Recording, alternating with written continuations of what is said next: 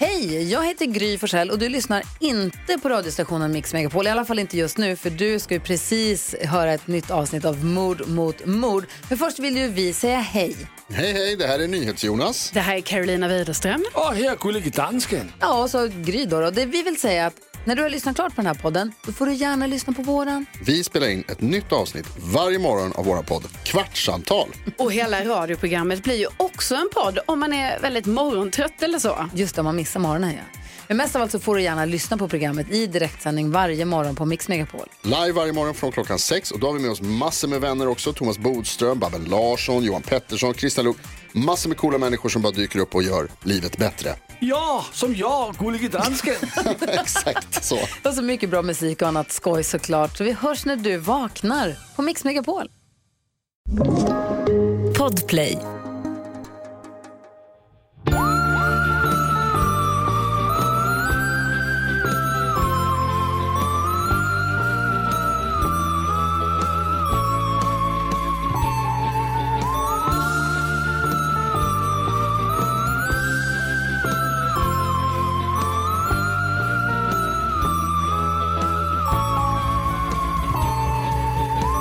Välkomna till eh, veckans mord mot mord på distans. Gud, nu är vi tillbaka i det här igen. The, this damn covid will never stop. Nej, Anna. Or will it ever stop menar jag. Let's hope so. Ja. Du har varit hemma typ hela veckan känns det som. Jag har varit hemma absolut hela veckan. Jag har varit hemma sedan förra fredagen typ. Känner du att du håller på att bli galen? Lite gör jag faktiskt det. Ja. Alltså, jag har ju varit, typ varit ute och gått promenad men jag har ju liksom inte träffat en själ Nej. Nej, jag på en förstår. vecka. Det är faktiskt jävligt trist. Eller ja, jag har ju träffat Oscar och Sigrid men inga andra människor. Nej, och Oskar har jättemycket på jobbet dessutom.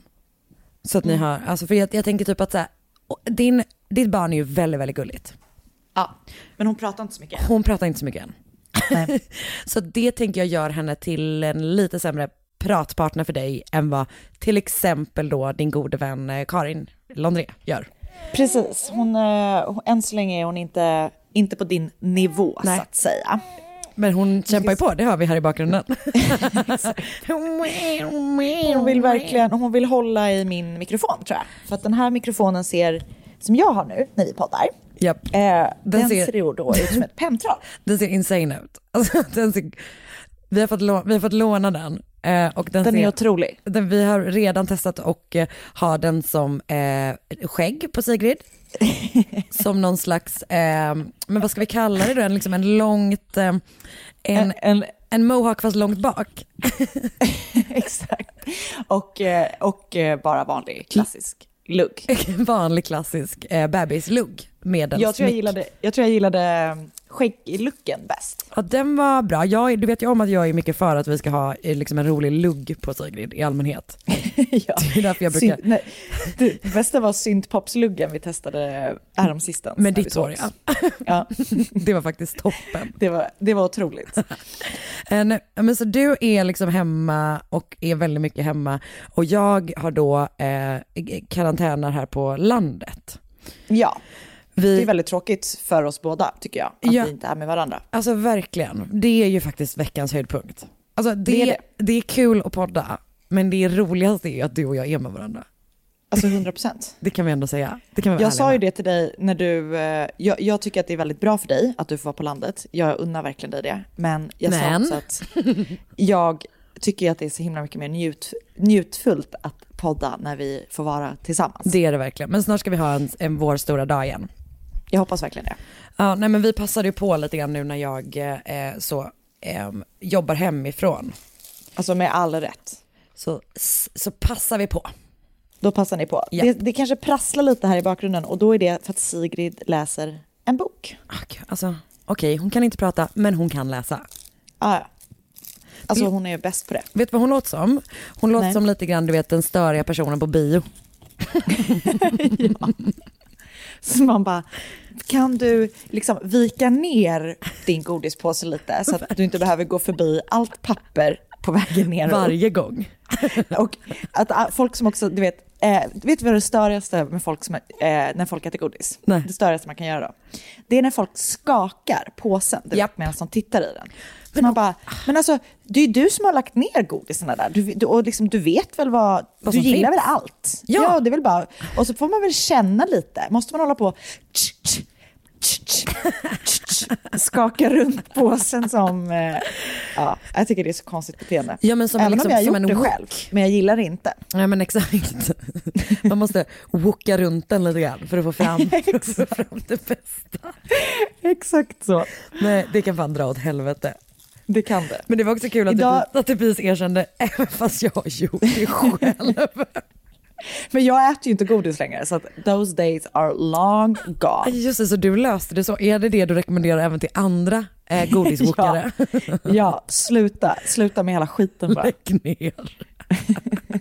Toppen. Toppen. Idag är det ju fars dag. Just det. Har du grattat din pappa? Nej vi håller inte på med det. Nej. Alltså, Jag- vad? När jag tänker efter, det vi inte håller på med är mors dag. Eh, eftersom min mamma tycker att det är småborgerligt. Eh, Hon gillar ju att förbjuda saker eh, för att hon tycker att det är roligt att säga att de är småborgerliga. Till exempel studentmässa, men också då mors dag och även namnsdagar. Eh, Ja, men namnsdag tycker jag är, det firar inte jag heller. Nej, okej. Det, var, det förvånar mig ändå. Alltså jag vill gärna att andra ska fira min namnsdag. Just det, för det var exakt det som förvånade mig, att du inte ville bli firad på din namnsdag. Men då förstår jag lite mer. Men jag tycker egentligen, alltså till exempel, där, där jag tror att jag och Rosita kan knyta an, Mm. så till exempel halloween tycker jag är Ja, nej, inte, det tycker inte jag man firar. nej. Men just eh, mor och fars dag, det är väl lite gulligt, man kan ge ett litet kort. Alltså eller? jag gav ju dig blommor på mors dag innan du ens hade fått, fött Sigrid. Just det, det var, Var inte otroligt. det urgulligt så säg? Jo, det var det verkligen. Framförallt eftersom hennes pappa inte gav mig någonting. Ah, fan, Men Oskar du har är ju det hennes riktiga pappa. tufft. Oskar har det verkligen tufft som måste tävla med mig. Stackarn. Ja, det är inte lätt alltså. Nej, det är tur för honom att jag har liksom eh, emigrerat till landet så han kan catch up lite grann. Alltså verkligen så. eh, ja, nej, men vi firade, jag och Sigrid firade hennes pappa lite grann här på morgonkvisten i alla fall. Vad fick han för någonting? Han fick eh, alltså eh, en jaktväst, en sån som GV Persson har. Underbart. Såna har ju Marcus, du hade kunnat få en av Marcus för han har tre stycken sådana. Ja, perfekt. Mm. Eh, Oskar men fick han går den aldrig och på så fick han jakt. ett sitt under... Nej, nej precis. Ehm, och eh, nej, men men det, var- jag tycker bara själva looken är stark också. Men han fick den och ett sittunderlag och ett, eh, tre par varma strumpor. Det låter som att du försöker få honom att emigrera till skogen. Alltså om man tar med mig och så by all means. Eller är det kanske så att han eh, öppnar upp för att jag ska kunna flytta in på så sätt? ja, han och Markus flyttar till skogs och du och jag eh, bor här. Fan vad my, jag tror ändå de hade haft det trevligt. Det tror jag också. Alltså- det tror jag verkligen. Eller hur? Alltså, jag tror att de hade haft det trevligare än vad de har med oss. Jag tror du skulle säga än vad du och jag hade haft och det stämmer Ja, nej, nej. inte. Jag tror att, nej precis. Vi hade haft det, okej, i, i den här uh, trevlighetspyramiden har du och jag trevligast. Ja. Sen kommer Oskar och Marcus. Ja. Sen kommer du och Marcus och jag och Oskar. Just det. Och var, var passar Sigrid in? Ja, just det. Hon är med oss i toppen. Okej, ja, men, ah, bra. Det är ändå bra att vi kollar. har, vi något, ehm, har du något du vill tipsa om? Nej, jag tror typ inte det. Vad har jag ens kollat på? Jag tänkte säga det, vad har jag ens kollat på också? Men jag har ju bränt Bachelorette Australien den senaste säsongen, Ah, så det är inte så där, true ja. crime-relaterat. Men eh, jag, jag behöver inte tipsa dig om det, för jag vet ju att du aldrig Men vänta, var det där? Nej, det är amerikanska där de bytte ut personen. Eh, det pågår en ny eh, Bachelorette i USA just nu tror jag, som jag har Aha. läst om. Eh, sådär som jag gör ibland, att jag läser om serier som jag inte, inte kollar på, däribland den då. Eh, och eh, att de, det var tydligen så himla uppenbart vilken person hon ville vara med i typ första avsnittet, att de eh, rakt av bara eh, bytte ut Bachelorette. Men skämtar du? Hur starkt? Att hon var så, hon bara, Shit. nej jag vill inte ge en ros till någon, jag vill bara gå hem med honom typ. Fy fan vad roligt. Ändå starkt. Nej men jag, alltså jag vågar inte kolla på någonting läskigt här ute tror jag. Nej, Alltså det, är förstår jag. för liksom mycket, eh, härom, det var i och för sig skoj. Härom, eh, härom kvällen så, eh, så var Markus ute, på, ute, ute och kissade typ. Och så bara, så liksom forsade han in genom dörren. Då visade det sig att han rakt av hade hört vad han då åtminstone tror är ett vildsvin. Att du vet, ute i, Jävlar. alltså ute typ i trädgården. Det, de är inte att leka med. Nej jag vet, men sen såg vi också en liten vildsvinsfamilj eh, när vi var ute med bilen. Och eh, ja, morsan är ju fruktansvärt läskig. Eh, Eh, ja. Men Bebisarna är jävla, jättegulliga. alltså de är så gulliga. Det är lite som i vår familj. Nej. morsan är också gullig. Men på ett, på ett eget sätt. På ett annat sätt än vad Sigrid. Ja. Det får man ändå lov att säga. Ehm, Ja, nej, fan vad läskigt. De får han akta sig för när han är ute och kissar. Ja jag vet, vi är verkligen, verkligen så. Nej, men så att jag kollade liksom på Bridget Jones igår. Åh, vad mysigt. Ja det var faktiskt otroligt. Finns på HBO Nordic. Härligt. Oh, en serie. eh, Okej, jag ska inte göra det som jag alltid gör. Jag ska titta på första avsnittet och sen så återkommer jag med det här tipset som jag precis skulle säga. Får jag fråga en sak? Alltså, alla de här som du tipsar om utan att ha kollat på dem, det är säll- sällan du återkommer med mer input. Eh, nej, men jag skulle faktiskt kolla på Jakten på en mördare då, den här om Helen, Just det. mordet på Helen. Men den har premiär 15 november så jag kunde inte göra det. Men vilket bra tips Anna. Men eh, nej precis, lite Just det, så så är det faktiskt. Jag jobbar. 15 november tror jag också att, på tal om en helt annan typ av sak, eh, att eh, The Crown, den nya säsongen börjar. Ja, jag kollar ju inte på The Ground. Nej, det är lite som ditt Bachelorette. Exakt. Eh, nej men eh, jag såg, för, jag började korta, kolla på The Alienist eh, Ja säsong ah, just det, det kom inte en ny sång va? Ja, Hur verkar den? alltså, För första var ju för, otrolig. först, ja, första var otrolig, men jag vet inte, var det, det här känns så himla, det är så teatraliskt. Jag, den första var typ så också. Ah.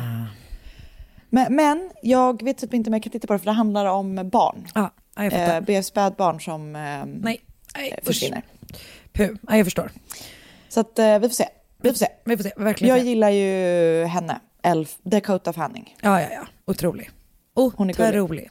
Ehm, men du, ska vi Ja, eh, dra vi igång eller? Det tycker jag verkligen att vi Ja. gör. Ett poddtips från Podplay. I fallen jag aldrig glömmer djupdyker Hasse Aro i arbetet bakom några av Sveriges mest uppseendeväckande brottsutredningar. Går vi in med hemlig telefonavlyssning och, och då upplever vi att vi får en total förändring av hans beteende. Vad är det som händer nu? Vem är det som läcker? Och så säger han att jag är kriminell, jag har varit kriminell i hela mitt liv men att mörda ett barn, där går min gräns. Nya säsongen av Fallen jag aldrig glömmer på Podplay.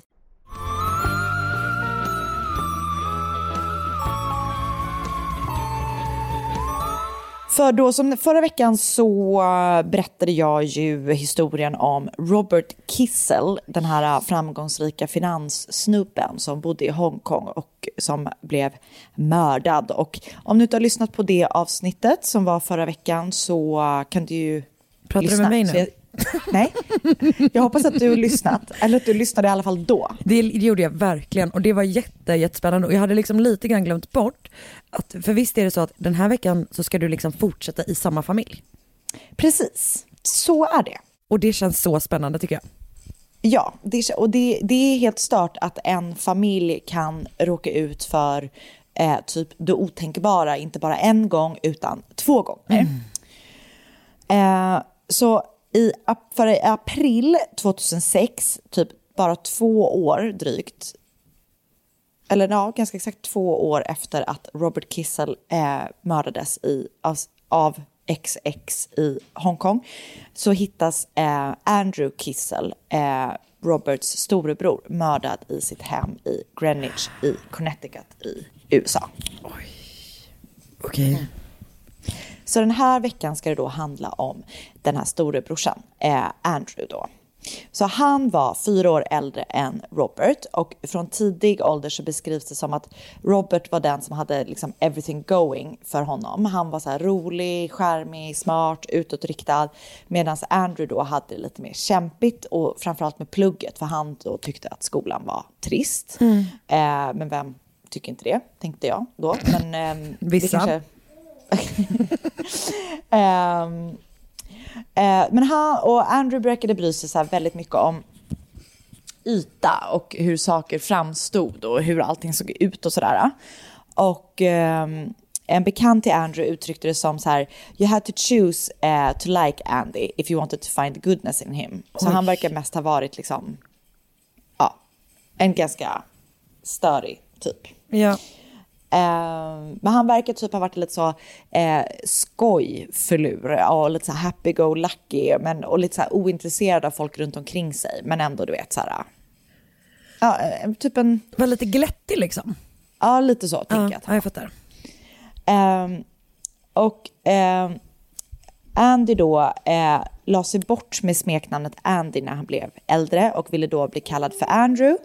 Och han växte upp till att bli så här, han blev först eh, framgångsrik eh, mäklare och eh, han körde så fina bilar och blev lite så fin i kanten. Och enligt kompisar då som kände honom som ung så var han, eh, blev han eh, liksom en tillgjord typ ju äldre han blev. Alltså vet att han liksom blev sådär, la sig till med lite så här maner och sånt. Ehm, så i början av 90-talet så träffade Andrew Hailey Wolf som var supersmart, snygg tjej som var eh, jättebra på att åka skidor. Hon typ tävlade i skidor. Och precis som eh, Andrews familj så hade de också, eh, hennes familj hade också landställe eh, eller typ hus i Stratton i Vermont. Just det. Det var där hans Eh. fru var när, när sars eh, eh, Exakt. utbrottet var i Hongkong, eller hur? Exakt. ja. För familjen Kissel hade ett hus där, alltså pappa, far, alltså Andrew Roberts pappa och sen så hade bröderna också varsitt hus där. Ja. Och Haleys familj hade då också hus där och, och hennes familj ehm, var väldigt förmögen och hon kom liksom från en så bra bakgrund. Ehm, eller vad ska man säga, förmögen bakgrund. Ja. Ehm, hon eh, var, hade ekonomiexamen från först eh, University of Pennsylvania och sen eh, Columbia Business School. Och hon liksom var på väg att göra raketkarriär inom finanssektorn när de två träffades. Eh, när Hailey och Andrew var nygifta så startade Andrew ett företag som han döpte till Hanrock. Eh, och det var oklart eh, om det liksom var planen att det skulle vara ett fastighetsbolag. Ehm, eller om det liksom var bara föll sig så. Du vet, att det var mer, jag upplever det som att han typ mer var så här, jag ska starta ett företag, typ, vad ska jag göra? Men han, den första affären han gör i det eh, är att då köpa fastigheter i ett eh, lite sketchy område i New Jersey. Och eh, det verkar som att han typ, för i, i USA så verkar det ju vara vanligare, eller så är det ju vanligare med att man har, alltså äger hela sin lägenhet, inte att det är så bostadsrättsföreningar. Ja, Okej. Ehm, men han gör då bostadsrättsföreningar i de här fastigheterna som han köper. Mm, jag fattar. Och eh, Robert, som då var en god bror, han, går i, han hjälper först eh, Andrew med liksom den initiala businessplanen och sen investerar han också 500 000 dollar i det här Hanrock, alltså då företaget. Eh, och Hanrock är ett namn som är alltså baserat på Hailey, Andrew, Nancy och Robert. Hanner och OCK blev väl bara någon slags... Jag tycker typ cool att det lät, ending. exakt, det lät mer som typ en så här, du vet ett så, eh, men kanske ett eh, snowboardföretag. Handrock. Ja, lite så faktiskt. Men det var bara en sån klassisk, vi slår ihop våra namn. Exakt. Ehm, och, så det går bra för båda bröderna. Och, ehm, det som, men det som skiljer dem åt, alltså som, och jag vet inte om du minns, men förra veckan så berättade jag då att Robert var, han var så sparsam och de levde ju under så här, liksom moderate, eh, alltså de levde väldigt eh, liksom enkelt. Att han alltså, typ tjänar- Obs, obs. Ja, utifrån, deras, enkelt. nej, utifrån deras förutsättningar. Men ja, att han tjänade så jävla mycket pengar och de bara levde som att de tjänade eh, mycket, mycket pengar. Mycket, pe- exakt. Mm, ja. Och han var ju så kontrollerande och snål och du vet sådär. Men Andrew då, han var en riktig splurger. Han gillade att leva the high life. Mm. Och jag läste i en artikel att han kunde du vet så här, försvinna från sina polare för att bara en stund senare dyka upp med en limousin som han hade hyrt. Alltså en riktigt störig Japp. kompis. Japp. Eller kille som Ja, men så det verkar eh, gå så riktigt bra för Andrew eh, och hans business. Och han och Nancy, de, han köper en lägenhet till dem på East 74th Street på Manhattan. Eh, och några år liksom in i hans handrock business så köper han också lägenheten en trappa ner. Och så bygger han, du vet, en Oj, trappa emellan. Så att, du vet, de har en asfet våning på Upper East Side på Manhattan. Det är ju inte gratis. Eh, och han köper, du vet, någon annan lägenhet på Manhattan också som investering bara sådär. Eh, han ska ha berättat för några bekanta då här i början på 90-talet att han var go- eh, god för 20 miljoner dollar. Just det, så Eh, som man berättar för några bekanta. Över en drink. Nej men, eh, Men är, är man värd 20 miljoner dollar så kanske man gör det. eller så gör man inte det. Då borde man ha så mycket pengar att man inte säger det till någon. Verkligen. Du har helt rätt. Att man är så här, ska jag kan, ta, det. jag kan ta den här notan, jag är ju värd 20 miljoner dollar. Han, men han var ju en riktig skrytpelle. Ja, han kör på. Eh, och folk är typ bara så här, ja men det är han säkert för att han har ju alla de här, det här fastighetsbolaget, han eh, äger de här lägenheterna, han har typ massa feta lyxbilar. Eh, så det verkar liksom gå riktigt, riktigt bra för honom. Men så 2003 börjar det knaka runt Andrew. Ehm, en partner i hans bolag, det här Handrock, tycker att det verkar vara saker som inte stämmer med deras ekonomi. Så han börjar ifrågasätta och granska typ fakturer och du vet, deras konton. Och, och då är det typ att han bara, okej, det här är stört. För då blir det, uppdagas det att Andrew har skapat då så fake-företag som har skickat då fake-fakturer till Handrock som han sen har då betalt med Handrocks pengar. Men bolaget då, eller det här bolaget som har fakturerat, det är Andrew som har fakturerat under ett annat namn. Så han slussar pengar ut från det företaget till sig själv liksom. Exakt. Och han har typ eh, utökat kreditgränsen på de här bostadsrättsföreningarna på något vis. Alltså du vet, han har lyckats bara förskingra mycket pengar. Så han, eh, ja, han har bara fuffat loss där borta. Eh, Är det en ekonomisk term? Ja, du, precis. Nej, du, du, precis. Jag sköter ju våra, vår ekonomi. Eh, så att du vet inte vad det betyder. Men det betyder att han har, det betyder att han har gjort dåliga grejer. Just det. Eh, han fuffade loss. Eh, Hailey, Andrews fru då, han, hon påstår att hon inte vet vad han har pysslat med. Och hon blir typ helt chockad eh, när hon får höra vad han har gjort. Eh, och, eh, hon, men hon är typ så här, det, det är för att han har så dålig självkänsla. Han är i grund och botten en god person, du vet. Hon kör massa sådana dåliga excuses. Men han har totalt förskingrat 3,9 miljoner dollar. Aj då. Men han lyckas ändå typ bestämma med dem som han har alltså förskingrat pengar ifrån. Att om vi kan så här, kan vi göra upp en, eh, kan vi liksom göra upp det här utan att dra det vidare så betalar jag tillbaka alla pengar. Så att det inte blir rättsliga påföljder liksom. Exakt. Så han går med på att betala 4,7 miljoner dollar eh, i böter, eller så att bara att betala tillbaka pengar och så här, se till att allting liksom ställs till rätta. Eh, men de här 4,7 miljoner dollarna, ja, han har ju inte de pengarna. Liksom. Nej. Ja. Men så efter den lilla picken med eh, det här eh, förskingringen där på New Jersey, eh, eller med Handrock, så eh, de, det stängs ju liksom. Så här, case closed, nu har han betalat tillbaka pengarna. Ja. Då flyttar familjen till Greenwich i Connecticut till ett jätte, liksom, fett hus som de hyr där. Eh, och i Connecticut, eller det här Greenwich är ju typ det rikaste området. Liksom, det är så riktigt, riktigt bara tätingar som bor där. Ehm, och ehm, det här är då 2004 och det är ju samma år som eh, Andrews bror Robert då blir mördad.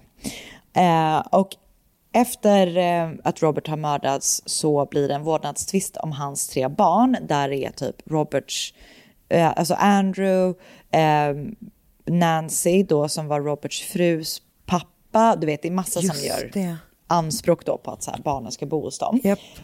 Till slut hamnar då barnen hos Hailey och Andrew. Och eh, Roberts barn har fått ett helt sjukt arv. Eh, jag tror att de är goda för så här 18 miljoner dollar och den personen som får vårdnaden om dem får ju också typ ta del av de här pengarna på något vis. Jag vet inte exakt hur det funkar. De hamnar i alla fall hos Hailey och Andrew. Fråga. Har Hailey och Andrew några egna barn? De har två egna barn. Okej. Mm. Så att då har de totalt fem, Fem. barn. Varav tre är super, super rika. Ja, Och de andra bara ganska rika. ganska rika. Ja. Ehm, så Andrew fortsätter med sina eh, fastighetsaffärer eh, i Connecticut. Så han liksom säljer av det här eh, bostadsrättsföreningen som han har skapat i New Jersey. Eh, och så gör han lite fuffens där kring de pengarna. Eller när han liksom säljer där så blir det nog... Alltså, han är en oärlig affärsman in i benmärgen. Eh, och eh, utöver eh, de här fastighetsaffärerna som han då liksom fortsätter med i Connecticut så liksom investerar han runt omkring i lite olika businesses i Greenwich. Och han som sagt gillade att splurcha även nu. De lever liksom verkligen lyxlirarliv. Han har typ 16 lyxbilar. Han köper en så superdyr häst till ett av sina barn som gillar att rida. De har en lyxyacht. Alltså du vet, han, de lever the, the, the high roller life style. Ja, Eller något sånt. Lite Ja. som du och jag. lite som du är. Eh, och ehm, han tyckte till slut så här, jag vill gå vidare från att bara eh, köpa och sälja fastigheter. Så han bestämmer sig tillsammans med en partner för så här, nu ska vi bli byggnadsherrar. Så de köper mark och börjar bygga hus. Men alla som jobbar kring dem är bara så här, de har ingen jävla aning vad de sysslar med, utan de bara, du vet, skjuter från höften och så här. Jävla självförtroende eller? Alltså, verkligen. Alltså, ja, Det får man fan ge honom. Eller, men ändå, men du får aldrig glömma bort hans dåliga självkänsla. Men super, Nej. superbra självförtroende. Det är en sån jobbig kombination. Exakt.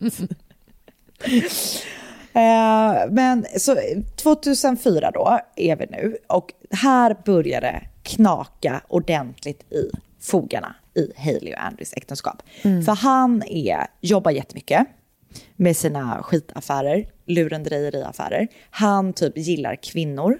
Han verkar gilla droger och festa. Och du vet, han är sån riktig, alltså han är sån riktig, Äckelgubbe. ja, exakt. Japp. Det är också en Ehm. ekonomisk term. Precis, men den kunde du. Ja, för den har du ändå stött på. Den har jag levt. Eh, och eh, Hailey är då mest hemma typ med sina tre plus två barn. Så hon börjar prata jättemycket med Andrews syster Jane om hur trött hon är på brorsan Andrew, alltså mannen Andrew. Eh, hon säger att han typ, när han väl är hemma så dricker han, han är arg. Eh, hon berättar också för Andrew, eller för Jane att hon tror att Andrews eh, businesses är typ helt phony. Hon tror att han kommer åka dit. Hon är liksom less på att vara i den här relationen. Förlåt, men fan vad stelt att hon säger det till hans syster. Alltså det är så konstigt. ja. Men, men jag tror systern och Andrew typ inte heller har det helt... Men ändå. Nej, nej, alltså hitta någon annan att prata med om det. är ju rimligare än syrran. Vet du vad? Här kommer ett förslag. Psykolog. Ja, eller en god vän bara. Eller en god vän. Men, Verkligen. Ja. Enig. Ehm, jo, eh, så att Hailey och Andrew har det pissdåligt i, typ i sin relation. Andrew fortsätter med sitt fifflande och fufflande på jobbet. Och ehm, som jag läste i en eh, artikel i The New York Times så var det som att den lagliga delen av hans verksamhet var bara en cover-up för att han ska kunna fiffla till sig mer pengar. Så att liksom han typ drev ett företag bara för att kunna, alltså han typ sket i om det gick bra för att det enda han ville, han ville liksom, det var alltså bara fasad egentligen för att han skulle kunna förskingra pengar. Och det är återigen lite grann som vårt. Precis! Du, you're getting a hold of this. Gud, jag visste inte att det här var liksom a business class. Jo, jo, precis. Jag gillar ändå att utbilda. Det här är bara när du går igenom våran, våran eh, framtida redovisning. ja. För lite idéer. Eh, exakt. Eh, nej men så under senvåren 2005 så eh, typ eskalerade det ännu mer. Hailey skriver då eh, till Jane, Andrews syster, hennes svägerska, att hon är så här, hon är så trött på Andrew och hans skit. Hon är så här, jag, funder, jag vill typ mörda honom, skriver hon till honom. Och hon vill bara så här, jag vill bara köra in i hans jävla bilar och hon är totalt, håller på att tappa det. Också grovt att säga till Eh. någon vars eh, andra bror Ja. blev mördad av hans fru. Ja, Ja. så jävla konstigt. Så samtidigt som Haley håller på att tappa det helt och hållet så börjar hans partner i det här nya byggföretaget komma Andrew på spåren. Så för att Andrew har ju liksom fortsatt bara att förskingra pengar och skicka fejkfakturor och gjort typ precis samma grej som han gjorde innan. Och så till slut så inleds en utredning av Andrews företag av FBI och det visar sig att han då har förskingrat upp till 25 miljoner dollar. Aj då. Så sommaren 2005 så grips Andrew eh, av FBI, antar jag, eller av polisen. Ehm, och eh, hon då, Hailey, är ju supertrött på honom och hon planerar att lämna honom. Men hon är ändå bara så här, okej, vi är fortfarande gifta, typ, jag hjälper dig betala borgen så att du får komma ut. Ehm, och sitta, alltså, då, han får sitta liksom hemma Husarrest, i typ. eh, husarrest som med fotboja och sånt där. Så han såsade omkring i deras hus hemma i Greenwich. Eh, och eh, när det liksom väl har börjat knaka så knakar det ordentligt. För då bestämmer sig Jane för, alltså systern, eh, Andrews syster, att så här, det här är ingen bra miljö för Roberts barn att vara i. Eh, så hon tar upp fighten om vårdnaden eh, om de här barnen. Vilket liksom bara gör, du vet, det skapar friktion i familjen. Jag tror också att, eh, eller Jane får liksom vårdnaden och du vet så här, ja, det, blir det blir bara massa skit i alla fall.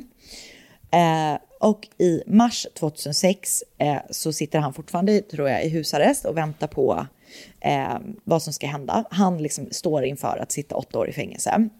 Och eh, Hailey begär skilsmässa. Och bara så här, nu lämnar jag dig. Det här, är, det här går inte. Och Andrew har då också betalt, slutat betala hyran eh, på deras hus där de bor. Så att de ska då, de blir vräkta ur det här huset för att han har inte betalt någonting. Så Hailey bara, fuck off, typ så här, jag orkar inte, du är en jävla pissman. Eh, och han har inget, inga pengar, han har inga vänner, han kommer förmodligen sitta åtta år i fängelse. Du vet, det är verkligen mörkt för Andrew. Så den första april, som är en lördag, så kommer eh, flyttgubbarna för att tömma huset som de bor i. Och Andrew har ingenstans att flytta, så att han bara, snälla kan jag typ få bo kvar, kan jag få behålla en säng tills på måndag? Och då ska jag se till att jag har någonstans att bo. Så de bara, okej, ja ja, du får väl göra det liksom. Så tömmer de huset och det på Haileys grejer och eh, Andrew är kvar med typ en säng. Fy fan, Och det är på det måndag- deppigaste jag någonsin har hört.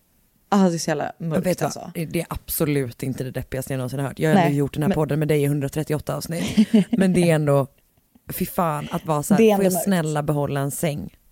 Ja, det är så jävla sorgligt. Puh. Eh, så på måndag då så kommer ju flyttgubbarna tillbaka för de ska plocka med den här sista sängen. Och då hittar de Andrew i källaren. Där han har blivit bunden, han har fått sin t-shirt dragen över huvudet och sen har han huggits till döds med en kniv. Okej, jag var, jag insåg ju nu att du var så här att han hittades mördad i sitt hem. Men jag tänkte verkligen, verkligen ändå att, Att det nog var ett självmord. Ja. Det är det uppenbarligen inte. Nej. Så nu har då den andra brorsan i en och samma familj blivit mördad. Alltså det är så hemskt att det händer liksom. Ja, med, med två års skillnad, eller mellan. Eh, så vem har då mördat Andrew Kissel? Det börjar då figurera teorier att det är suicide by murder för att hans föräldrar då ska få ut hans livförsäkring. Det är en teori. Okej. Det figurerar andra teorier då om att så här, någon av alla de här personerna som han har blåst genom alla år Japp. har väl bara tappat det och mördat honom. Eller kan det rent av vara Hailey, hans fru, som har lejt någon för att döda hennes soon to be ex-husband. Okej, Så det är liksom topp tre teorier. Får jag fråga en sak? Hade hon redan, Mm. hon, hade hon redan filed for divorce liksom? Ja, jag tror det. Ja, Men, ja. För att jag menar annars det pratar vi ändå ofta om, är folk som mördar istället för att skilja sig om man säger så. Det känns som Ja. att den processen redan var inledd här om man säger så. Den var redan inledd. Eh, precis. Och det går ganska kort tid innan polisen liksom tänker så här. Vi fokuserar på en man som har arbetat för Andrew som heter Carlos Trujillo. Och han har varit typ lite allt i allo för Andrew och varit hans chaufför men han verkar också typ ha varit någon som så här fixar droger till honom eller du vet hämta mat. Alltså han verkar verkligen ha varit typ hans eh, eh, en allround Assist- assistent eller vad ska säga. Och han verkar vara den enda som typ fortfarande inte har lämnat Andrews sida när allting håller på liksom bara att krackelera. Och han är också den sista som man vet har sett honom i livet. För han har då just levererat mat hem till Andrew på eh, söndagen eller lördagen. Där innan Under helgen liksom. Eh, men så går, han mördas ju då i april 2006. I mars 2008, alltså ungefär två år efter att Andrew har mördats, så grips Carlos Trujillo och hans kusin Leonard Trujillo. De grips för mordet på Andrew. För de har då, eh, polisen har liksom inte kunnat hitta några bevis egentligen på, liksom de, har inte, de tror hela tiden att det är han, men de vet liksom inte varför eller hur och du vet så. Men så har i alla fall polisen hittat då spår i Carlos lägenhet i en, genom, vid en genomsökning som eh, pek, du vet, leder dem till typ en tredje kusin som i princip bara, du vet, när de kommer dit säger rakt ut så här. För, för hon tror först att de är, liksom pratar med henne för att de vill höra om eh, deras inblandning i typ en knarkkartell. Men då så säger hon så här, aha, nej ni är här för att prata om eh, den här killen som de mördade. Ah, så hon, hon kör på. Ja, hon kör på. Så de kan då gripas i mars eh, 2008. Och då driver åklagarna spåret att de har varit inblandade i Andrews eh, förskingring och pengatvätt och att de skulle vara rädda för att bli meddragna i fallet och därför har de mördat honom innan de typ kan, eller innan Andrew typ kan så säga, ja men de här har hjälpt mig. Det är inte ett supergivet motiv på ett sätt för att det känns ju ännu värre att vara inblandad i ett mord kan jag tycka. Alltså verkligen. Ja. Ah. Jag Men de bara, tänker väl att bara inte ska åka state, fast. Eh, och Leonard säger att hans kusin Carlos då, som har arbetat för Andrew, har anlitat Leonard för att mörda eh, ehm, Andrew. Och att eh, Leonard då skulle få 11 000 dollar och en dator om han gör det. Så han har då fixat en pistol eh, och du vet, fixat allting för att de ska mörda honom. Men att han i sista sekund har chickened out och då kan inte mörda honom. Så han säger att han har inte mördat honom, men han har varit med liksom, i processen upp. Ja, så han gör en deal med åklagaren. Så han åtalas för dråp och conspiracy to commit murder. Och han vittnar mot Carlos och döms för dråp och får 20 år i fängelse. Oj, ändå långt. Väldigt långt. Okej. Eh, och Carlos åtalas för mord och mordförsök och han erkänner sig skyldig till mordförsök och döms till sex år i fängelse följt av en utvisning till Colombia där han kommer ifrån. Oj. För jag tror att han var, jag tror han var illegalt i USA. Men gud. Okej, Mm. men också var inte... Jag fattar inte riktigt varför han döms. För, Eh. Nej. Och jag vet inte exakt vem som har alltså, mördat Nej. honom med, eh, liksom, alltså utfört själva akten, eller vad man säger, dådet. Men han den här andra snubben, var han med när det begicks? Eller var Oklart. han bara med under planeringen liksom? Jag tror han bara var med under planeringen. För då tänker jag att det enda han kan veta är ju att ehm, han, vad hette han? Car- eh, Carlos. Ja, att han planerade det. Förstår du vad jag menar? Ja. Alltså att han liksom bara kunde, han, de, eftersom inte, om han nu då inte var med så vet de ju inte vad det var som faktiskt hände. Så de, då tänk, de, de kanske bara typ tog det som de kunde få honom på typ. Jag tänker typ att det var så. Ja. Jävlar. Så att eh, Carlos då satt av sex, eh, ja, Han fick sex år och sen så um, blir han, ska han bli utvisad. Men, Det är så sjukt. men alltså tänk att vara den här familjen. Ja, Nej men det är så stört. det är faktiskt, det är faktiskt helt tokigt. Ja, det är så sorgligt. Så att, eh, Jag förstår att två- du kände att du behövde eh, göra varsitt avsnitt. Ja, det kändes som att jag ville dela upp den då. Japp, verkligen. Jävlar vad jag har läst eh, en eh, long read på New York Times som är skriven av Steve Fishman som heter Kissels of Death som är eh, typ delvis en intervju med deras pappa och så, ja, den liksom behandlar båda två då. båda bröderna, men främst mordet på Andrew. Eh, och så har jag läst den där. Det finns ganska mycket material på New York Times. Där har jag läst liksom, flera artiklar. Eh, men främst då den här och en som heter Police reveal few details of arrest in 2006 killing av Alison Lee Cohen. Och så har jag lyssnat på podden True Crime Island, avsnitt 133, som heter just Andrew Kissel. Han, eh, True Crime Island har också gjort en podd eh, om, ett avsnitt om Robert Kissel som jag inte har lyssnat på. Men ehm, ja, och sen Wikipedia såklart. Men jävlar Anna. Ja, läskigt ju att det är som sagt två i samma familj. Ah, fy fan. Alltså paniken. Riktigt mörkt. Tänk de barnen, alltså de kusinerna. Ja, alltså. Nej, det är så jävla hemskt. Puh, Ja. alltså. Tack Vidrigt. snälla för att du berättade andra delen av den här fruktansvärt hemska historien. Tack för att du lyssnade. Ett poddtips från Podplay. I fallen jag aldrig glömmer djupdyker Hasse Aro i arbetet bakom några av Sveriges mest uppseendeväckande brottsutredningar. Går vi in med hemlig telefonavlyssning och, och då upplever vi att vi får en total förändring av hans beteende. Vad är det som händer nu? Vem är det som läcker? Och så säger han att jag är kriminell, jag har varit kriminell i hela mitt liv men att mörda ett barn, där går min gräns. Nya säsongen av Fallen jag aldrig glömmer på Podplay.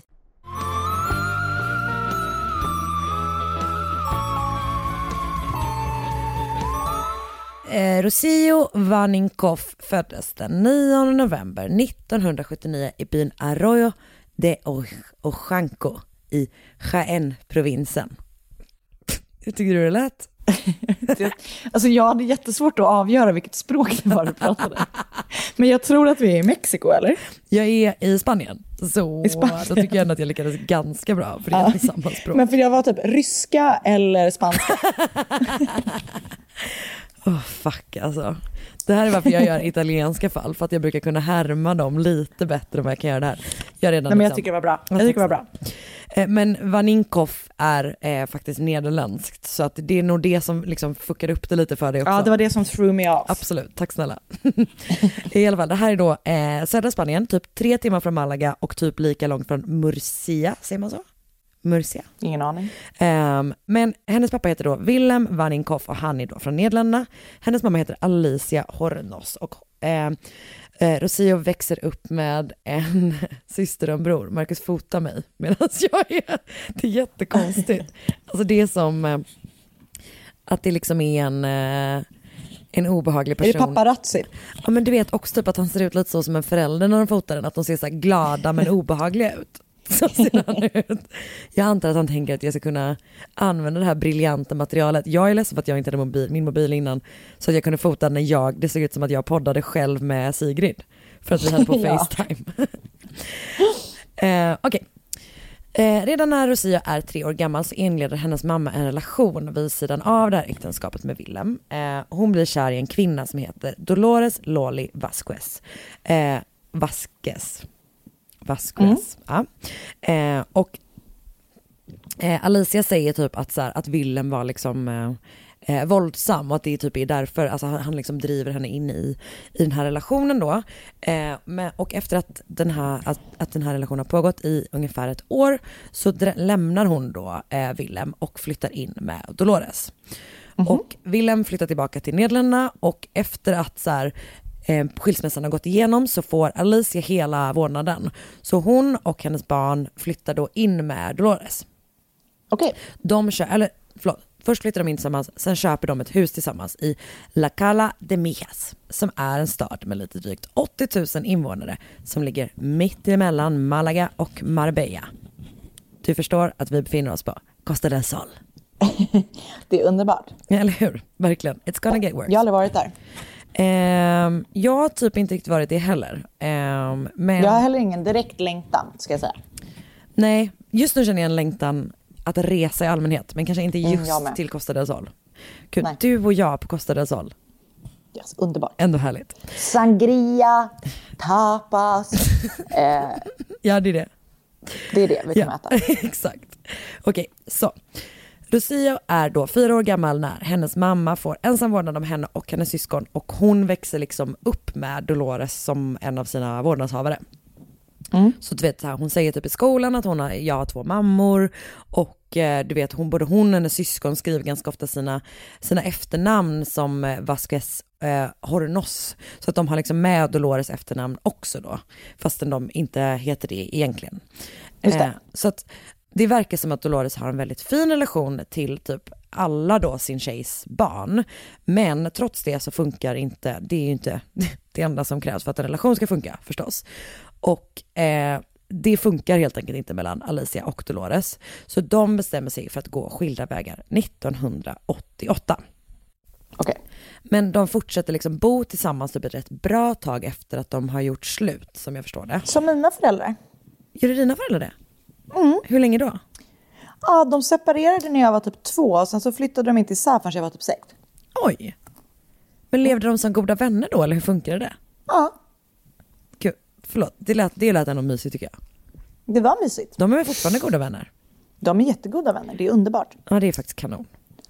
Eh, det är mina föräldrar med. Men det var nog bra att de inte bodde tillsammans också. Mamma flyttade starka så 300 meter ifrån. Det var också väldigt skönt. Mm, det är också lagom. Ja, verkligen.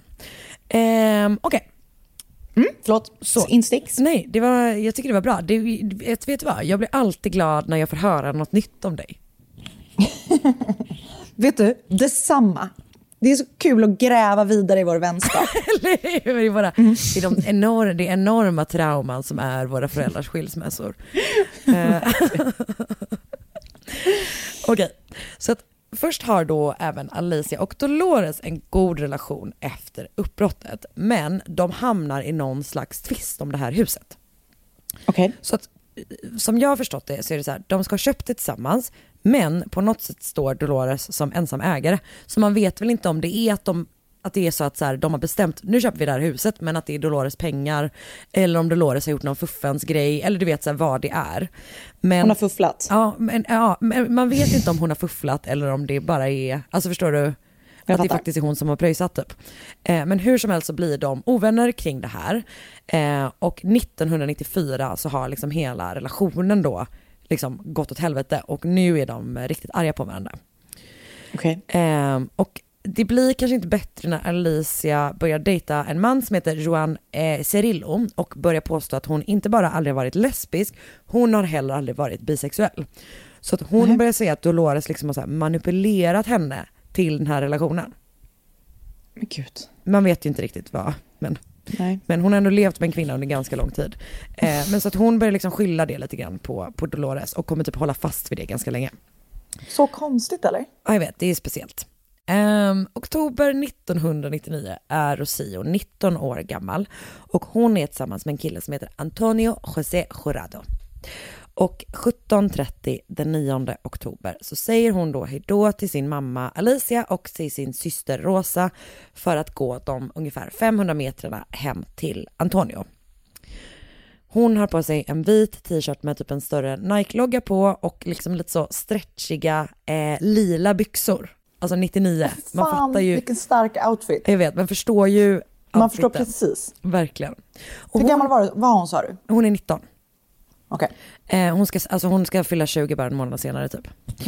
Eh, och hon är liksom en så här populär ung tjej i det här La Cala de Mias. Eh, hon har typ supermycket kompisar. Hon är ju uppenbarligen myndig. Så därför blir inte hennes mamma eh, alldeles för orolig när hon inte hör från henne under kvällen och typ när hon inte kommer hem. Eh, men morgonen den 10 oktober när hon liksom fortfarande inte dykt upp så blir hon, börjar hon liksom fundera på så här, vad hon har tagit vägen. Fan vad ångest. Ja, det är, var, alla de historierna, just de här, det här vakuumet eh, av Nej. oro är fan Det går inte. heartbreaking alltså. Så hon bestämmer sig då för att så här, alltså än så länge är hon ganska lugn, hon bestämmer sig för att typ skicka eh, Rosa då till Antonio för att hon tänker så här, han, hon kanske har sovit där liksom. Eh, hon gick ju till honom och sen så kom hon aldrig tillbaka, så det är ju en rimlig, liksom, eh, eh, en rimlig, rimlig misstanke. Men hon är inte där. För Antonio säger då att hon kommer hem till honom under eftermiddagen, alltså efter, eller tidig kväll där när hon har lämnat, lämnat sin mamma och sin syra. Eh, Men på kvällen bestämmer de sig för att möta upp några kompisar i en eh, grannstad som heter Fuengirola. Eh, Den ligger bara typ 10 minuter med bil från där de bor liksom. Och det är någon slags folkfest som pågår där.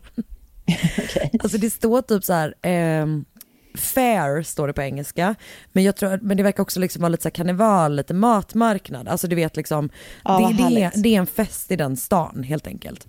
Så Mm. de är så här, vi ska gå på den, vi ska möta upp våra kompisar, de bestämmer liksom träff där. Eh, men Rocio säger då så här, hon bara, jag vill hem och duscha och byta om först. Eh, så att vi möts där. De ska liksom inte ta sällskap till den här stan utan de ska mötas där. Så vid halv tio så går hon ifrån Antonios hus. Och det är då sista gången han säger att han har sett henne. För Antonio somnar och åker aldrig till Fuengirola. Vilket, Okej. förlåt, riktigt störigt pojkvänsbeteende. Alltså verkligen. Jag somnade. Eh, hur som helst. Rosa och Alicia, de så här går vidare. Så de tar kontakt med hennes kompisar. Men de är så här, eh, nej hon kom aldrig till Fuengirola. Och så det liksom är tvärstopp på alla håll och kanter helt enkelt. Och Alicia börjar så här, "Ah, okej men in, ska vi ta kontakt med polisen, vad ska vi göra, överreagerar vi, du vet sådär. Ehm, och innan hon gör någonting annat så bestämmer hon sig för att typ ta en promenad då med den här snubben Joan som hon är tillsammans med. För att typ så här rensa tankarna och du vet komma på vad nästa steg ska vara. Och då går de samma väg som... Säg inte att de hittar henne. De hittar inte henne, men de hittar hennes eh, sneakers. Åh, ångest. Och hon ser att det är liksom Lucias skor och hon ser dessutom att det ligger typ en blodfläckad typ näsduk eller du vet liksom pappers, eh, alltså servett eller sådär eh, i närheten av skorna och det är också blodfläckar på marken. Det är liksom en, en öde tomt som är, är precis vid den här vägen där hon ska ha gått liksom. Och då kontaktar de förstås polisen direkt.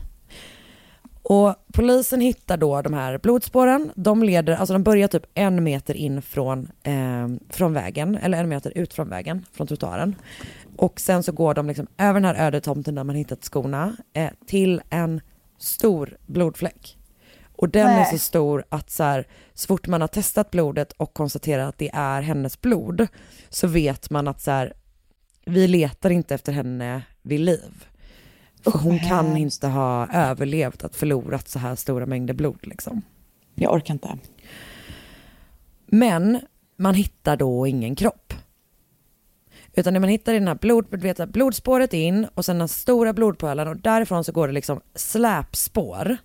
Mm. Eh, och sen så är det också eh, alltså spår från ett typ ett fordon som har ganska märkliga sorts hjul som man typ inte har, eh, som inte har producerats på typ sex år. Så det är liksom så här ett, en, ett, äldre däck som ser väldigt speciellt ut typ. Eh, så det man tänker då är att så här, någon har helt enkelt eh, mördat henne där och sen hämtat henne med, alltså hämtat kroppen med ett fordon av något slag liksom. Men det man också tänker är att så här, det är svårt för en person att göra det här för att typ terrängen är ganska knölig och så här, man tror att man kanske behöver ha, vara två personer för att flytta kroppen där hon har varit liksom. Ja. Ungefär tusen personer hjälper till att leta efter Rocio och den 2 november, så det är väl typ tre veckor senare, så får man eh, resultat. Alltså hennes kropp hittas typ på en, alltså det är typ som en tennisklubb eller typ en idrottsklubb där det bland annat finns tennis. Eh, men liksom en avlägsen del av det liksom. Och det är då typ fem mil från platsen där hon, alltså där man har hittat de första fynden liksom. Och kroppen är, det är uppenbart att någon har försökt dölja den. Den är liksom övertäckt med så kvistar eh, och löv och sådär och hon är naken. Men i närheten så hittar man två påsar som bland annat innehåller den här vita t-shirten som hon hade på sig när hon gick hemifrån. Och man hittar också en flyer som man delade ut under sökandet. Som alltså har liksom information om hennes försvinnande. Nej. Och Lucia har då knivhuggits eh, nio gånger. Men det är det, vad man tror är det första som tog i bröstet eh, som dödade henne. Och man börjar då så här kolla på vilka personer som finns, eh, för att man tror att så här, det måste vara en person som har bra kunskap om det här området för att de ska kunna typ känna till att den här klubben, alltså att den här avlägsna delen av den här klubben skulle kunna vara en bra plats eh, att lämna en kropp om man inte vill att den ska upptäckas typ. Så att mhm man börjar då prata med den här mannen som äger den här sportklubben och han tycker sig känna igen henne och det är då för att några av hennes släktingar velat liksom hyra hans klubb på något sätt och att hon kan ha haft någon slags kontakt då, det är lite oklart. Men det i kombination med den här flyern gör att man blir liksom övertygad om att ehm, någon i hennes närhet har begått det här mordet. Okej. Och det är ju ofta, också, det är där man oftast börjar en undersökning, liksom, att man börjar kolla Ja. på de omkring henne. Och först misstänker man då förstås Antonio.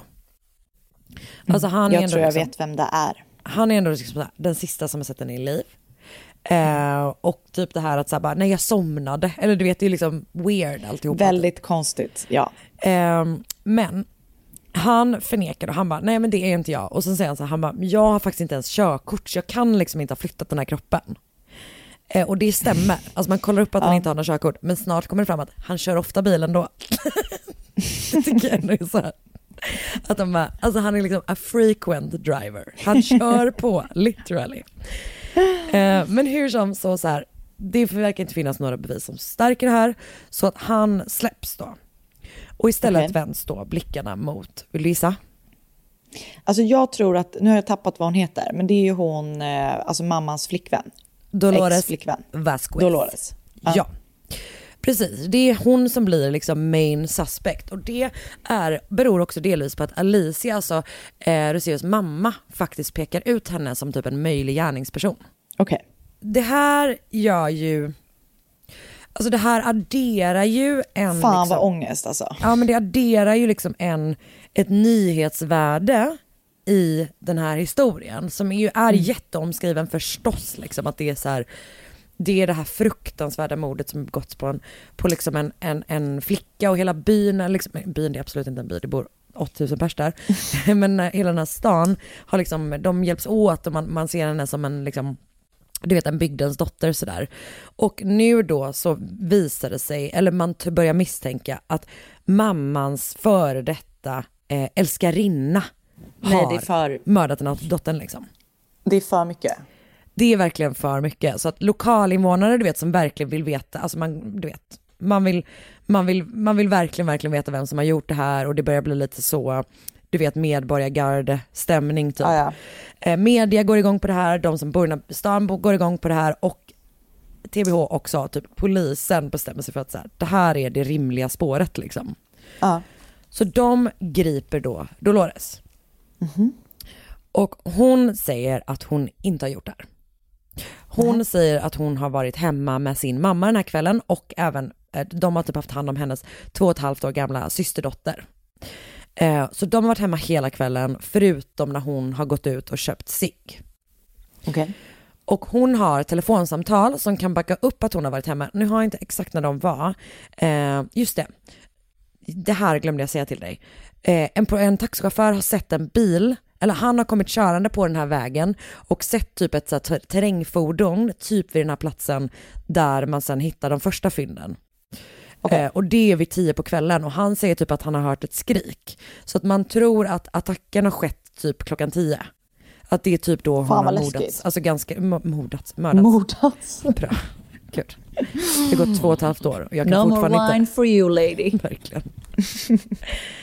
eh, nej men så att, så att man har en väldigt bra, eller vad man tror är ett väldigt liksom bra estimat för den här tiden, att det är klockan 22. Och hon har liksom saker som är typ runt 22, alltså det är typ så här, du vet eh, 21.45 och kanske 22.30, alltså du vet sådär. Ehm, så att hon har ju verkligen varit hemma och det verkar jävligt unlikely att hon ska kunna ta sig till den här platsen, här brottet för att sen vara tillbaka och typ köpa sig och ringa sin kompis, alltså du vet sådär. Ja, just det. Ehm, men åklagarens spår är då att hon har varit ute och sprungit den här kvällen, träffat på eh, Rosillo, hamnat i bråk med henne, knivhuggit henne, dragit iväg hennes kropp. Var hon ute och joggade med en kniv då eller? Och vet du vad, det kan också verkligen vara, det är mycket, mycket Google Translate. Det kan vara att hon bara var ute och du vet, gick, eller du vet, var ute och letade efter henne. Eh, men det står typ, she was out running. Det kan verkligen fattar. betyda vad som helst när jag tänker efter. Eh, nej men att hon då liksom har gjort det här, träffat på henne, attackerat henne, lämnat kroppen tillfälligt, gått och köpt sig och sen senare på natten, typ vid 02, tagit sig tillbaka. Eh, Okej. Man börjar då kolla på det här spåret, man hittar fiber på kroppen som typ matchar, man tycker typ matchar kl- kläder som Dolores eh, har liksom. Eh, så det, men det är också den enda tekniska bevisningen som finns. Och det man gör är att man testar dem igen och då hittar man inte den här matchen liksom. Det är också typ att, så här, att hennes advokat är så här, men hon har inte en sån här bil för du kommer ihåg att däcken var väldigt speciella. Just det. Eh, då säger de så här, och det här är så speciellt. De säger så här, nej okej, men hon eh, bor i ett område med många, där många icke-spanjorer bor. Och eh, de brukar ofta lämna sina nycklar i sina bilar. Så hon kan ha tagit vilken bil som Men helst. snälla. Alltså det är så märklig rasism. Slarvig med nycklar. Vad är ens det? Så det är liksom det Väldigt de... konstigt. Ja, det är väldigt, väldigt märkligt. Ehm, så att det finns ju ingenting. Alltså det finns Nej. absolut ingenting. Det finns liksom eh, vittnen som, eh, som visar att hon inte, alltså att hon har varit hemma under den här kvällen. Det finns de här telefonsamtalen. De här fibrerna visar sig vara falska. Alltså så här, man har, hon har ingen bil. Det finns liksom ingenting förutom typ en bra story om en rasande lesbisk kvinna. Det är Nej. typ så. Och eh, du vet så här, i rättegången så kallas hon så här, jo men för då lyfts det ju fram då det här att så här, att Alicia menar att hon inte har varit lesbisk eller bisexuell utan att det är Dolores som har liksom manipulerat henne till det här. Just det. Och typ så här, hon kallas du vet så här, dominant och typ en farlig lesbisk kvinna typ under rättegången.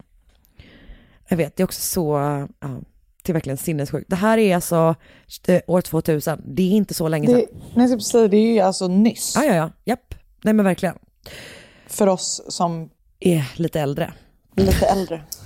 Kul, kul att du och jag är äldre. Alltså vadå, jag är ju mamma. Hur gammal kan man bli? Jag vet, men du är mamma och jag är äldre än vad du är, så jag måste ju vara mormor. Verkligen. Är du Sigrids mormor? Men gud, är du min mamma? Okej. Okej. Ja. Så det finns inga bevis. Trots det så döms hon av en jury till 15 års fängelse i september 2001. Nej men det är så konstigt. Det är helt, helt galet. Eh, och grejen är då att hennes advokat överklagar förstås det här. Och han typ så här, alltså han, hon är så manipulerad av det här själv, Dolores, att hon är typ så här, hon bara, ehm, kan det vara så att jag har gjort det och att jag inte minns det? Alltså hon är liksom Nej den, gud. den nivån av, av liksom mindfuckad av att hela typ världen verkar vara helt inne på att hon faktiskt har begått det här mordet. Av en, då, en flicka som hon också enligt sin egen utsago alltid haft en jättegod relation till och även, du vet så här, ja jag var ovän med hennes mamma men liksom det var inte... Nej precis, det betyder ju inte något för barnen. Nej, eller framförallt inte att man typ skulle mörda ett av barnen Nej. som hon typ har vuxit upp med liksom. Eller som har vuxit upp med Dolores. Så att, som sagt, hennes advokat överklagar förstås det här. Men innan det hinner bli en ny rättegång så händer tyvärr någonting annat som också är helt jävla fruktansvärt. En annan flicka försvinner. Nej. Ehm, hon heter Sonja Carabantes. Hon är 17 år gammal, eh, dotter till Encarna Guzman och José Maria Carabantes. Hon har, ehm, det finns, jag har letat ganska mycket efter hennes, typ så här, mer information om hennes bakgrund. Hon har minst två äldre syskon. Och familjen Okej. bor i en liten stad som heter eh, Coin. Och den ligger typ en dryg timme inåt landet från eh, Mias, alltså där, eh, där eh, Rosillo bor. Eh. Vänta, det kan också verkligen varit en halvtimme. Men det går liksom, det är liksom rakt in från kusten typ, det går en väg liksom mellan dem. Och i, Okej. i den här stan så bor typ 20 000 personer. Och du vet, det är så här klassiskt, alla känner alla. Eh, Eller många känner många, kanske är en bättre beskrivning. Det är orimligt Ja. att tänka sig att 20 000 personer känner varandra. Ja, det är ganska många. Det är verkligen, verkligen många. Så många kompisar orkar inte jag ha. Nej, Nej. inte jag heller. Eh, så Sonja är liksom så här, hon har vuxit upp i den här stan, hon, hon känner många personer och hon går sista året på, vad jag tror det är liksom spanska versionen av typ högstadiet. Eh, ESA heter det. Hon är som sagt 17. Och natten den 14 augusti har hon varit med sina kompisar. Och jag är inte helt säker på om hon har varit på liksom en religiös mässa eller också en sån här folkfestsliknande situation. För att Okej. det liksom är, som sagt, Google Translate. Ibland det står verkligen mässa, men jag tror också att fair kan översättas till, alltså förstår du? Att det, Jag fattar. Jag tror att det är något lite mer fun. Ja, jag tror, jag tror också det. Eh, och jag baserar också det på att hon kommer hem väldigt sent. Men hon tar liksom sällskap med en kompis hem och klockan är typ fem på morgonen. När Sonja säger hej då till sin kompis och då ska hon alltså bara gå typ 200 meter till sitt eget hem. Jävlar. Dagen efter ringer då eh, en annan vän till Sonja eh, hem till familjen Carabantes och hennes pappa svarar och han bara, nej men Sonja ligger och sover men jag liksom går och väcker henne eh, så du kan prata med henne. Men när han då går in i hennes rum så är det ingen där. Och han typ ropar på hennes mamma och de börjar väl direkt få någon sån jävla panikkänsla och Sonjas mamma går då ut på gatan. Och när hon gör det så hittar hon Sonjas mobil. Och med skärmen är liksom så här eh, sprucken typ.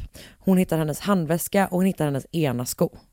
Alltså fattar du? Vilken Ja, jävla alltså, det är panik. För, det är för mycket ångest alltså. Ja det är fruktansvärt verkligen. Och just det här att, du vet att, att äh, ägodelarna finns men personen är liksom har gått upp i rök. Ja, det är så Nej. jävla jävla hemskt. Och så är det, Det är för mycket. 17-åriga dotter. Ja. Jag kan inte typ tänka på det. Just det här, det är 200 meter ifrån. Alltså det är, ja, mm, panik. Är det vidrigt? Och man börjar då förstås liksom direkt leta efter, eh, efter henne. Eh, och borgmästaren för den här stan är liksom väldigt så här, personligt engagerad, alltså det är ganska ofta han som har kontakten med hennes föräldrar typ. Och han håller dem uppdaterade typ för att han verkligen vill att så här, men han vill väl att de ska känna att, att saker och ting händer och det är också därför som han bestämmer, det här är lite speciellt, han verkar ha bestämt att, att liksom sökningarna efter henne ska utgå från typ ett hus precis bredvid Carabantes-familjen. Okej.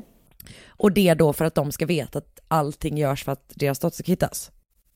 Eh, jag vet inte om det var vil, eller liksom, eh, något betryggande för dem eller något som var lite stressigt. Men eh, det var bara någonting jag aldrig hade hört innan. Nej. 2000 personer letar efter Sonja. Det är alltså 10% av Queens invånare. Eh, och efter en vecka så hittas hennes kropp. Och hon hittas då täckt av liksom flera stora stenar eh, på typ en gård i utkanten av Queer. Så det är någon som verkligen försökt gömma henne? Liksom. Ja, och det var det ju också med Rocio. Alltså att man har lagt saker ovanpå kroppen liksom. Och även här liksom så här ett avlägset område typ. Sonja har knivhuggits alltså jättemånga gånger, många fler gånger än vad, än vad Rocio gjorde. Och eh, sen har hon strypts. Eh, Nej. Ja, usch, det är så hemskt. Och gemensamt för de här två är att jag tror inte att man vet om de har utsatts för sexuella övergrepp för att det liksom har eh, i Rosios fall så var det för att, för att förmult, alltså, kroppen hade förmultnats ganska mycket på grund av så här, klimatet och typ förutsättningarna på platserna hon hade lämnats. Eh, och, eh, och även i, i Sonjas fall för att, för att man liksom har utsatt kroppen för massa vidrigt, vidrigt våld. Liksom. Men man hittar DNA under Sonjas fingernaglar för att hon har liksom rivit eh, den som har attackerat henne helt enkelt. Man hittar inte personen i de DNA-register som finns i Spanien, men man får hjälp från ett annat håll.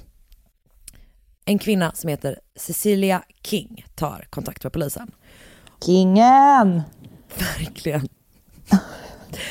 Hon tror att hennes man är skyldig till mordet på Sonja Nej. Carabantes. Men hon tror också att det är hennes man som har begått mordet på Lucio Van, eh, Vaninkov. What? Och den här, hennes man då, han heter Tony King. Vilket bara makes, eh, blir värre av det, när man vet det faktum att han har valt efternamnet King själv.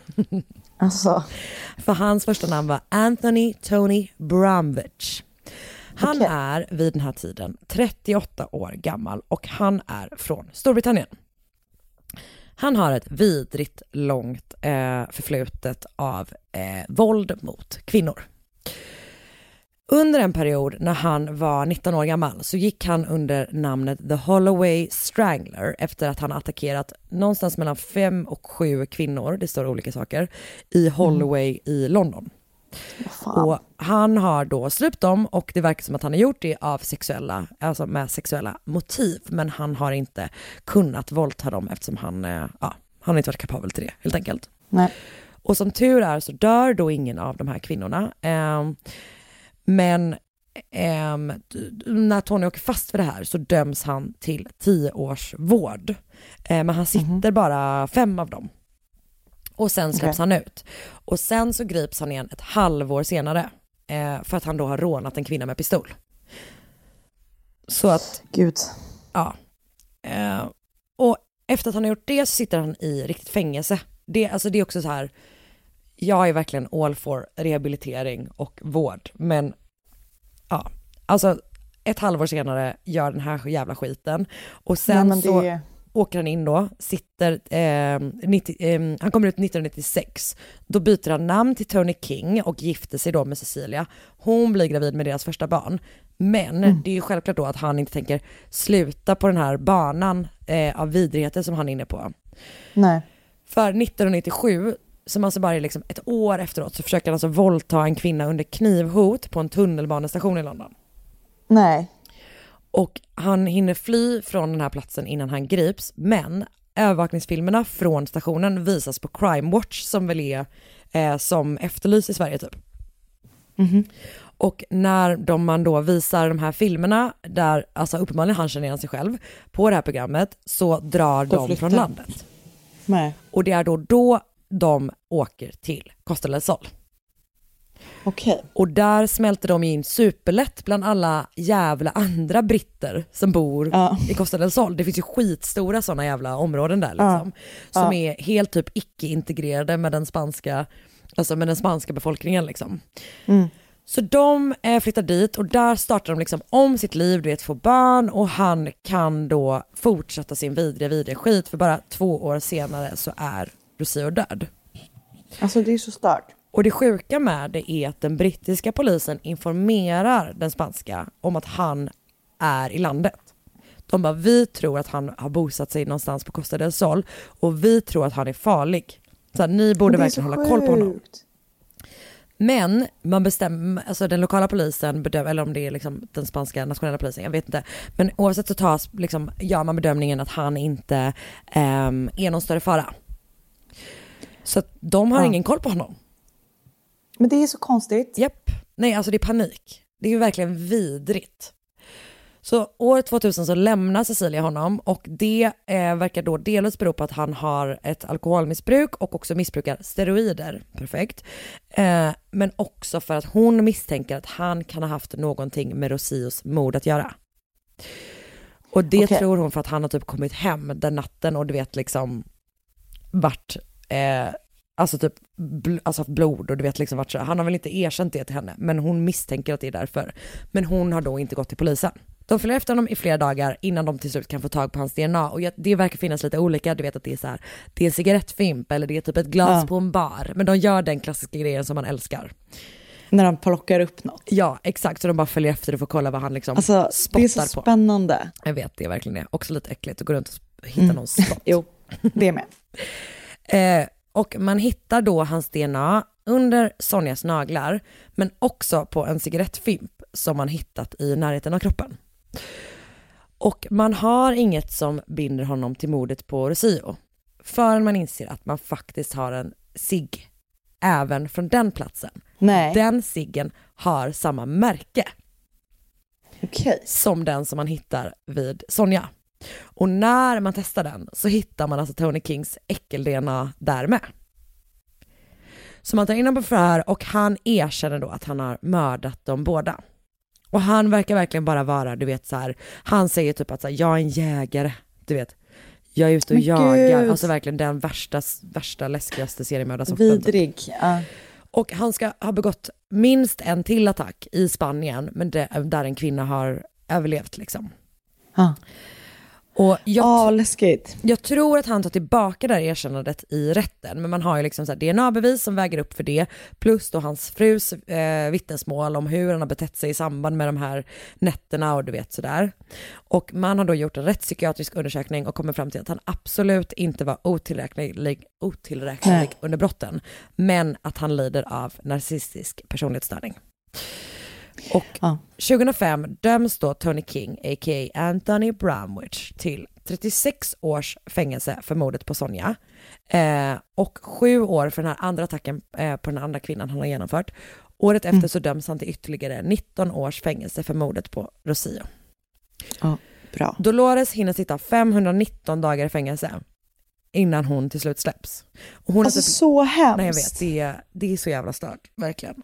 Och hon har då blivit erbjuden eh, pengar från typ så spanska myndigheter för den så här, den, alltså det här är ju en rättsskandal liksom. Hon Mm. har verkligen, verkligen dömts på grund av typ sin sexuella läggning. Mm. Eh, Det är så hemskt. och det, för det fanns absolut inga bevis. Det gjorde verkligen inte det. Eh, de har inte typ kommit överens om en summa, såg jag, alltså ganska nyss typ, så att hon har inte fått några pengar.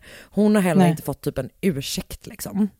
Fan vad sämst. Och jag vet inte riktigt vad Rosios typ föräldrar har gjort, men jag vet att Sonjas föräldrar har inlett en rättssak mot spanska myndigheter för att de då aldrig liksom följde upp det här, den här informationen om att Tony King eh, var i landet som de fick från den brittiska Nej. polisen. För att de anser ju då att så här, det tipset hade kunnat rädda deras dotters liv och eventuellt Ja, också såklart. Rosios liv liksom. Mm. Och ingen av familjerna verkar ha fått liksom en ursäkt för det eller ett ansvarstagande från det eh, från, eh, från spanska polisen eller spanska myndigheter. Tony Kings första möjlighet till villkorlig frigivning är vad jag kan se 2033. Men någon annanstans så läste jag någonting, också någonting med 2050 så att lite otydligt. hoppas, hoppas 2050. Ja, alltså så här, det, jag vet inte, jag har dålig koll på det spanska fängelsesystemet, jag ska vara ärlig med det. Men han, eh, han sitter väldigt, väldigt isolerad. Eh, Ja, vad bra. Sådär. Och Åh, hemskt. jag har då läst en hel hög artiklar på El Español, El Confidencial, El Cierre Digital, El País. Snyggt. Sådana nyhetsartiklar, men också då True Crime England som är en blogg, um, deras inlägg om de här två, två fallen, om eh, på Report och förstås lite olika Wikipedia-sidor. Tack Karin. Det var fruktansvärt, Fruktansvärt. som vanligt. Ja, visst var det så jävla jävla hemskt? Otroligt hemskt. Just den här grejen när man bara, fan, alltså när man inte liksom, Nej. Sam, ja, nej jag vet, japp, It's Det var too much. Fint uttryckt av mig. Eh, men man blir så jävla jävla frustrerad av det, för att det är så här, det är så mycket liv som hade kunnat se så annorlunda ut typ. Mm. Eh, Du, eh, vi hörs nästa vecka. Jag måste tend to my screaming child. yes, det gör vi absolut. Och vi hörs också med lyssnarna nästa vecka. Ja. Eh, en ska fall på Instagram, ni vet hur ni gör, ni går med på Facebookgruppen och sen så säger vi hej då! Hej då! Poddtips från Podplay. I podden Något Kaiko garanterar östgötarna Brutti och jag, Davva, dig en stor dos skratt. Där följer jag pladask för köttätandet igen. Man är lite som en jävla vampyr. Man har fått lite blodsmak och då måste man ha mer. Udda spaningar, fängslande anekdoter och en och annan arg rant. Jag måste ha mitt kaffe på morgonen för annars är jag ingen trevlig människa. Då är du ingen trevlig människa, punkt. Något Kaiko, hör du på Podplay. Därför är gardinerna.